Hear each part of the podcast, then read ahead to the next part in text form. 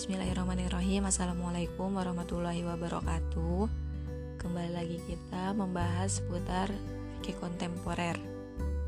Jenis-jenis pembiayaan dan akad-akad pembiayaan pada lembaga keuangan syariah sangatlah beragam.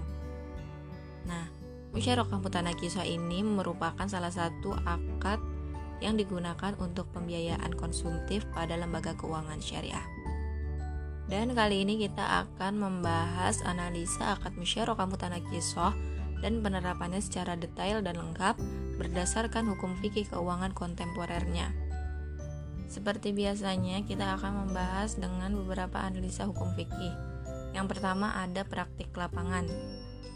Musyarakah mutanakisoh adalah musyarakah atau sirkah yang kepemilikan aset atau modal salah satu pihak akan berkurang yang disebabkan karena pembelian secara bertahap oleh pihak lain. Misalnya untuk akad musyarakah mutanakiso ini pada KPR. Dalam pelaksanaannya, nasabah dan bank berkongsi dalam pengadaan sebuah rumah. Misalnya, 30% dari nasabah dan 70% dari bank. Pengadaan sebuah rumah berlangsung ketika dana mencapai 100%. Untuk memiliki rumah tersebut, maka nasabah harus membayar kepada bank sebesar porsi yang dimiliki bank.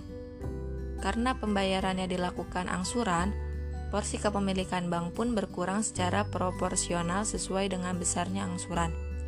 Rumah yang telah dibeli secara kongsi tadi baru akan menjadi milik nasabah setelah porsi nasabah menjadi 100% dan porsi bank 0%. Yang kedua ada parameter kesesuaian syariah. Ada dua poin pada produk yang menggunakan akad musyarakah mutanakisah ini. Yang pertama, adanya kesepakatan antara kedua pihak, antara pihak bank dan pihak nasabah. Yang kedua itu tidak mengandung transaksi riba, goror, dan transaksi-transaksi lainnya yang dilarang oleh syariat Islam. Yang ketiga yaitu adab dan etika bisnis Islam bank akan memberikan modal berdasarkan kesepakatan pada saat akad. Dan nasabah akan membayarkan angsuran tepat pada waktunya dan sesuai dengan jumlah yang ditetapkan pada akad. Yang keempat ada usulul fiqh. Usulul fiqh pada akad musyarakah mutanakiswa ini terdapat pada Quran surat Shod ayat 24 yang artinya dan sesungguhnya kebanyakan dari orang-orang yang bersyarikat itu sebagian dari mereka berbuat zolim kepada sebagian lain, kecuali orang yang beriman dan mengerjakan amal soleh, dan amat sedikitlah mereka ini. Dan ada pada hadis riwayat Abu Dawud dari Abu Hurairah, Rasulullah Shallallahu Alaihi Wasallam berkata, Allah Subhanahu Wa Taala berfirman, Aku adalah pihak ketiga dari dua orang yang bersyarikat selama salah satu pihak tidak mengkhianati pihak yang lain. Jika salah satu pihak telah berkhianat, aku keluar dari mereka. Hadis riwayat Abu Dawud yang disohihkan oleh Al-Hakim dari Abu Hurairah. Yang kelima yaitu kaidah fikih. Kaidah fikih pada akad musyarakah mutanakiswa ini adalah al-aslu fil muamalat al-ibahah illa ayyadullah dalilun ala tahrimiha pada dasarnya semua bentuk muamalah boleh dilakukan kecuali ada dalil yang mengharamkannya. Yang keenam yaitu makosid syariah.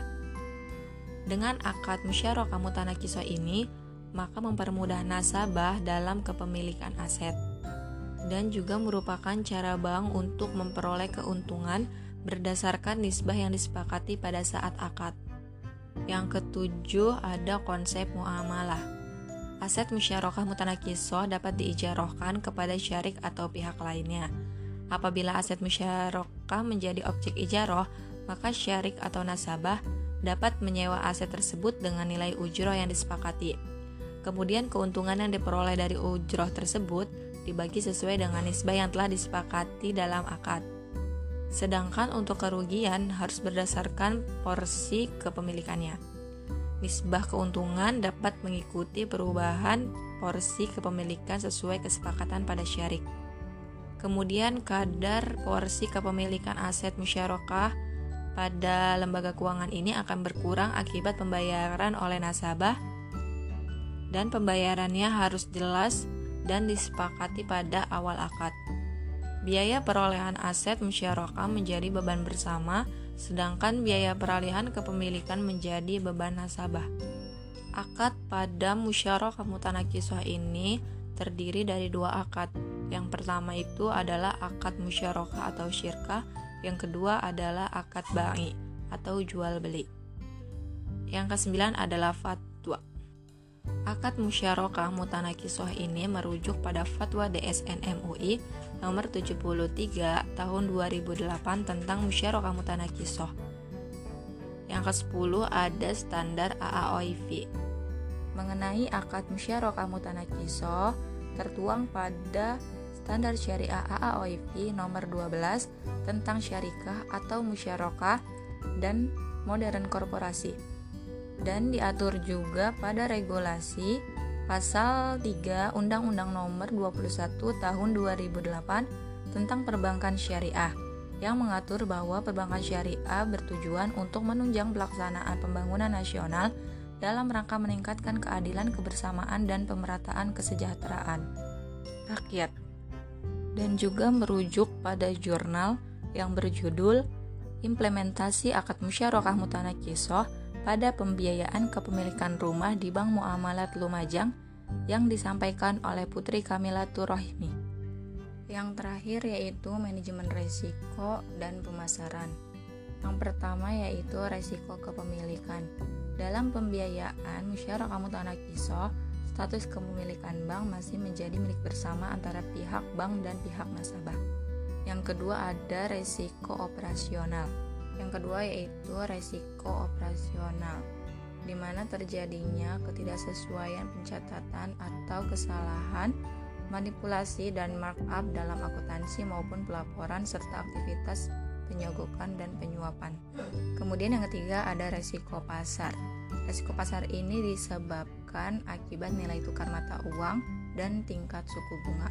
Kemudian yang keempat ada resiko kredit di mana kemungkinan terjadinya wan prestasi dari pihak nasabah yang tidak mampu menunaikan kewajibannya setiap bulan.